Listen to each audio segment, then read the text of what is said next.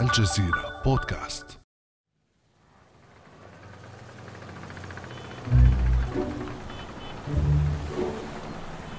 الكوبري في العمارة. على هدي السفارة في العمارة بني كوبري الملك سلمان بجانب عمارة سكنية في مدينة القاهرة مثيرا ضجة كبيرة في الإعلام وفي وسائل التواصل الاجتماعي التي سخرت من تشييد كوبري أو جسر ملاصق لطوابق البناية. وانضم سكان العمارة إلى حملة السخرية. هجيب لي عربية هتشرب معاها شاي في البلكونة؟ كنت في شارع 8 متر بعتها واشتريت دي على أساس إن أنا أقعد في الهوا. عيالي تبقى قاعدة مرتاحة مش قاعد أنا العربية ألاقيها جوه الشقة بتاعتي. هروح فين؟ أروح فين من ده كله؟ دلوقتي أنا في الرابع الأولاني والثاني والثالث يعني اتردموا تماما ما حدش بيخش, بيخش لهم ضوء ولا مية ولا هواء بيني وبين البلكونة. وحرم الكوبري متر ونص تقريبا. فده منط للسرقه طبعا بس العوادم وال... والضوضاء اللي هتيجي من المحور ده. فما هي المشاكل التي تعيشها المدن العربية؟ ولماذا تعاني المدن العربية الكبرى صعوبات في الحفاظ على تناسقها؟ وتعاني أيضا من غياب البنية التحتية الضرورية. وهل يمكن أن تتحول يوما المدن العربية إلى مدن ذكية وتواصلية؟ بعد أمس من الجزيرة بودكاست أنا خديجة بن جنة.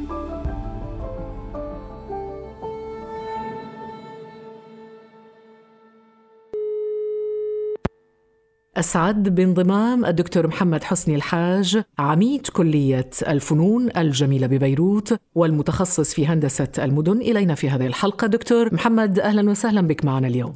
يسعدني مشاركتكم دكتور محمد ما هي المشاكل الرئيسية برأيك التي تعاني منها مدننا العربية؟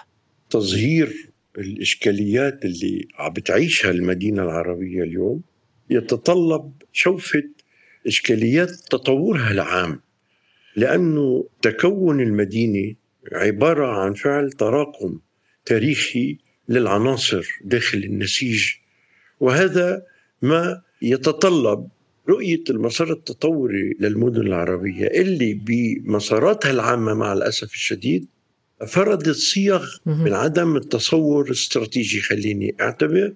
يعني المدينة العربية اليوم بشكل أساسي تعاني من تراكم وظيفي عبثي ومن تكثيف سكاني فاق قدراتها التكوينية على استيعاب الوظائف الجديدة. ربما هنا تقصد زحف الأرياف إلى المدن صحيح؟ واحدة من الإشكاليات بالتأكيد. يعني مسألة الهجرة للمدينة بظاهرها عملية سهلة. أي تبديل مسكن بآخر. بس هي بالحقيقة بأبعادها الاجتماعية والإنسانية يعني مجموعة من التبدلات الجذرية بنمط العلاقات. يعني بيضطر المهاجر من الريف للمدينة إنه يرضى بأي مداخيل أو بأي طريقة عيش. لذلك يعني بتظهر العشوائيات واللي أنا بتقديري يعني صارت سمة من سمات يعني كثير من المدن العربية مع الأسف الشديد. نعم دكتور لكن إذا حاولنا أن نختصر هذه المشاكل ونقول نحن في العالم العربي لدينا مشكلة حقيقية فيما يتعلق بالمدن سنقول ربما ترييف المدن العشوائيات غياب التنمية المستدامة ماذا أيضا؟ هناك كثير من الدلالات م. على تأزم بتصوري وليس فقط إشكاليات في حياة المدن العربية انطلاقا من زيادات التي طرأت خلال السنوات الأخيرة بعد سكان المدن. المدينة العربية تعيش أزماتها بكثير من الصمت. لأن الإشكالية هو عدم التصور التخطيطي للمدن اللي يقدر يكون عم بيحدد خلال خمسين سنة من التطور بما يلحظ المخطط من مساحات تقدر تكون تستوعب خلال التطور المفروض على المدينة أنه تعيش بشكل دائم مساحات تكون عم بتشكل نوع من الإجابات على الأسئلة اللي عم تطرحها المدينة بحياتها العامة. لو أضفنا إلى ذلك دكتور أيضا عدم انسجام الطابع المعماري للمدن عدم مراعاة تاريخ المعماري الأصيل في جهود التحديث لماذا لا يتم توحيد العمران داخل المدن العربية؟ ليست القضية قضية توحيد عمران. نشوء وتطور المدن فرض صيغ محددة بمحاولة إيجاد حلول موحدة ومتكاملة لكثير من المسائل. الهندسية الإنشائية والعمرانية المرتبطة بالتصميم والإنشاء. يعني بدك تحكي عن شبكة المواصلات بدك تحكي عن الشوارع بدك تحكي عن التوزيع الوظيفي للمناطق بدك تحكي عن عن يعني الخواص الطبيعية المناخية. القضية المشهدية الجمالية هي الجزء المكون بتقديري غير المرئي الذي يساهم بتكوين وعي بعلاقة الإنسان بمجاله المديني يعني وقت ما يكون في شيء حلو حواليك العقل البشري بالتأكيد يعني سيحمل مؤثرات جمالية بمخزون التعبيري طب أنت تقول غياب السمات الجمالية والمعمارية أحلتنا ربما إلى مشهد بدا غريبا بالنسبة للناس على مواقع التواصل الاجتماعي. كان هناك سخرية كبيرة استمعت قبل شوية دكتور إلى انطباعات الناس وهم يعبرون عن ذلك بسخرية توسيع شبكة الطرق في مصر. بحيث إنه شاهدنا جسرا. وهودي أنا شايفه إنه رايح مرق من حده. أها في الجيزة. بالجيزة وبالأخص الكبري بالإسكندرية الاخطر من الجيزة. آه. آه لكن الأكثر إثارة كان جسر الجيزة الكبري الذي يمر عبر البنايات السكنية. كيف أنت كمعماري كمهندس كيف تنظر إلى هذا الأمر؟ الطرق مثل الشريان للقلب. وبالتالي المسائل الهندسية هي مسائل عم تفرضها الظروف الجغرافية أو الجيولوجية أو الأراضي المخصصة للبناء. يعني مسألة تصميم الطرق أحد أعقد المشاكل. آه، يعني هي توفير مستلزمات البنى التحتية التي تشكل شبكة الطرق أحد أهم الشرايين يعني الطرق جزء مكون من السمات والخصائص لجمالية المدينة. يعني في مشهد غرائبي سوريالي أنا سميته يعني كيف الجسر بالجيزة عم يمرق من حد الشبيك هذا غير منطقي بالأخص بمدينة مثل مدينة القاهرة. القاهرة مدينة ضخمة القاهرة فيها بعض مساحات كثير كبيرة. يعني أنا بتقديري كان ممكن استخدام أي شكل من أشكال الأنفاق إذا في بالضرورة بتلك المنطقة انه تمر. دكتور محمد حسني الحاج كونك مهندس ومتخصص في هندسة المدن أكيد لديك اطلاع على الإرث العمراني خصوصا ما قاله العلامة ابن خلدون في مقدمته بخصوص مدنية الإنسان والعمران. قال الإنسان مدني الطبع. لكن لابد من توفر المدن على شروط عديدة من أهم هذه الشروط تنظيم عملية البناء، عدم التساهل مع البناء العشوائي آه، غير الخاضع لمعايير البناء وشروطه الصحية والجمالية. مثلا مدينة عدن اليمنية وبالتأكيد هناك مدن عربية أخرى كثيرة تشكل نماذج نماذج سيئة طبعا لمدن انتشر فيها البناء العشوائي كالفطر هنا يؤثر هذا البناء كما يقول خالد سيدو أحد المسؤولين بالمدينة يقول إنه يؤثر على خدمات كثيرة. تؤثر على الصرف الصحي تؤثر على مسألة تموين بالمياه.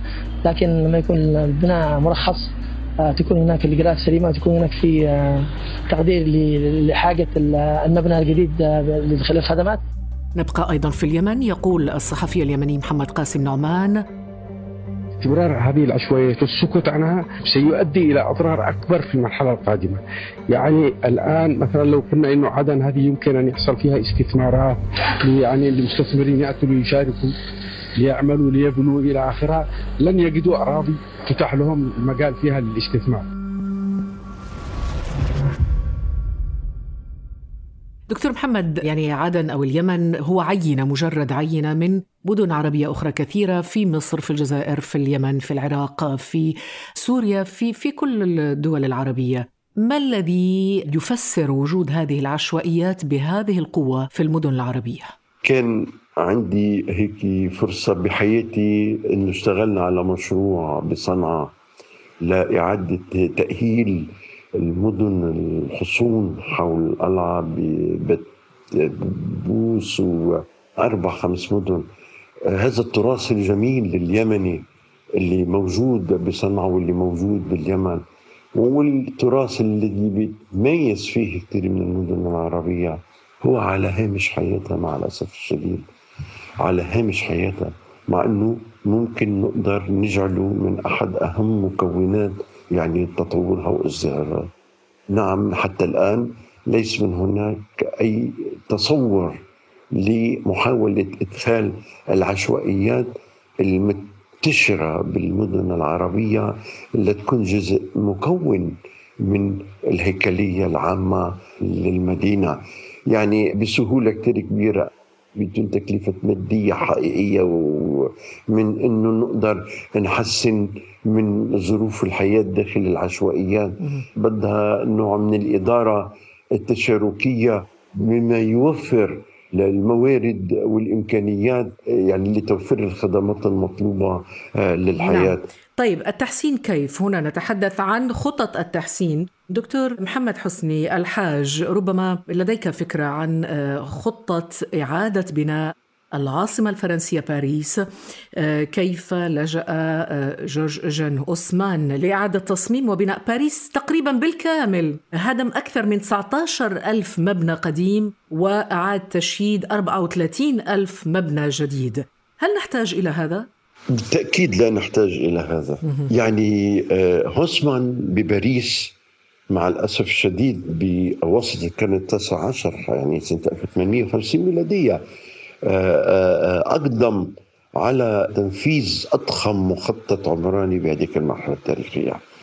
يعني بحيث ألغى سمات الكروسطية من باريس واللي ما زالت اليوم موجودة بكثير من المدن الأوروبية. مع الأسف الشديد باريس فقدت فقدت تاريخها من خلال يعني تصورات هوسمان التطويرية. يعني أنجز شبكات التطوير ونظم المساحات وعمل يعني على بناء جميل حد أعتبر. وعلى تزيين الواجهات باريس غيرت من حياتها.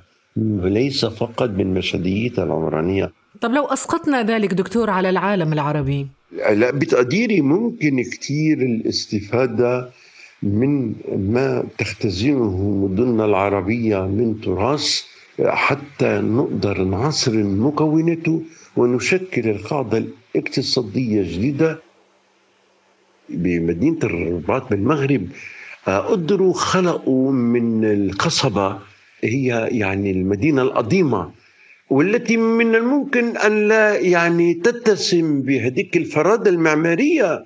ولكن من خلال تزيينها هيك بالألوان البيضاء والزرقاء جعلوها آه، إحدى أهم نقاط الجذب السياحي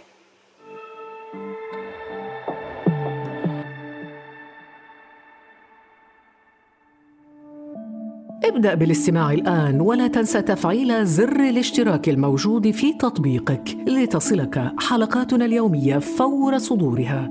ابقى على تواصل مستمر مع الجزيرة بودكاست عبر صفحاتنا على فيسبوك، تويتر وإنستغرام.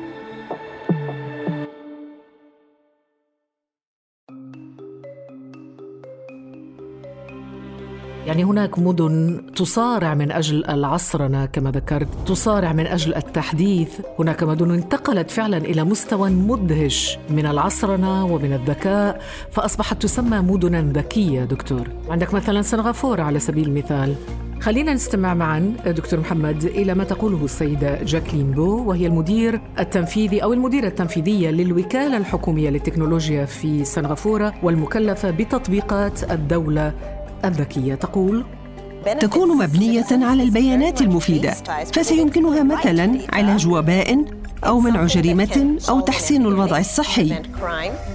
كيفية العمل بطريقة تدمج المجتمعات والمواطنين. كيف يتأقلم الناس مع هذا النمط الجديد وهل فعلا يمكن برأيك أن تكون مدننا العربية كالمدن الذكية حلا مثاليا لبيئة السكن؟ بدي أحاول لخص أنا بشكل أو بآخر إمكانية الدخول للمدن الرقمية بالبلدان العربية يعني إذا بدي أطلع أنا كيفية تحسين ظروف الحياة الاجتماعية والبيئية وكيفية إدارة التقنيات الحديثة أو تجديد إن صح التعبير تكنولوجية الاقتصاد والاجتماع المديني إدارة الخدمات من كهرباء ومي وتدفئة كل ما يحتاجه ساكن المدينة. يعني المفترض أقدر أنا أروح على المدرسة وأمن احتياجاتي من السوق هذا بمسافة 10 15 دقيقة. يعني هذه جزء من البنى التحتية بشبكه الطرق بالمدن الذكيه هذا اولا ثانيا عملية الابتكار لشبكة الطرق. وأنا أحبذ دائما الأنفاق التي توفر عملية الربط لكافة آه، يعني أجزاء المدينة بأقل حركة ممكنة وبأقل كلفة ممكنة.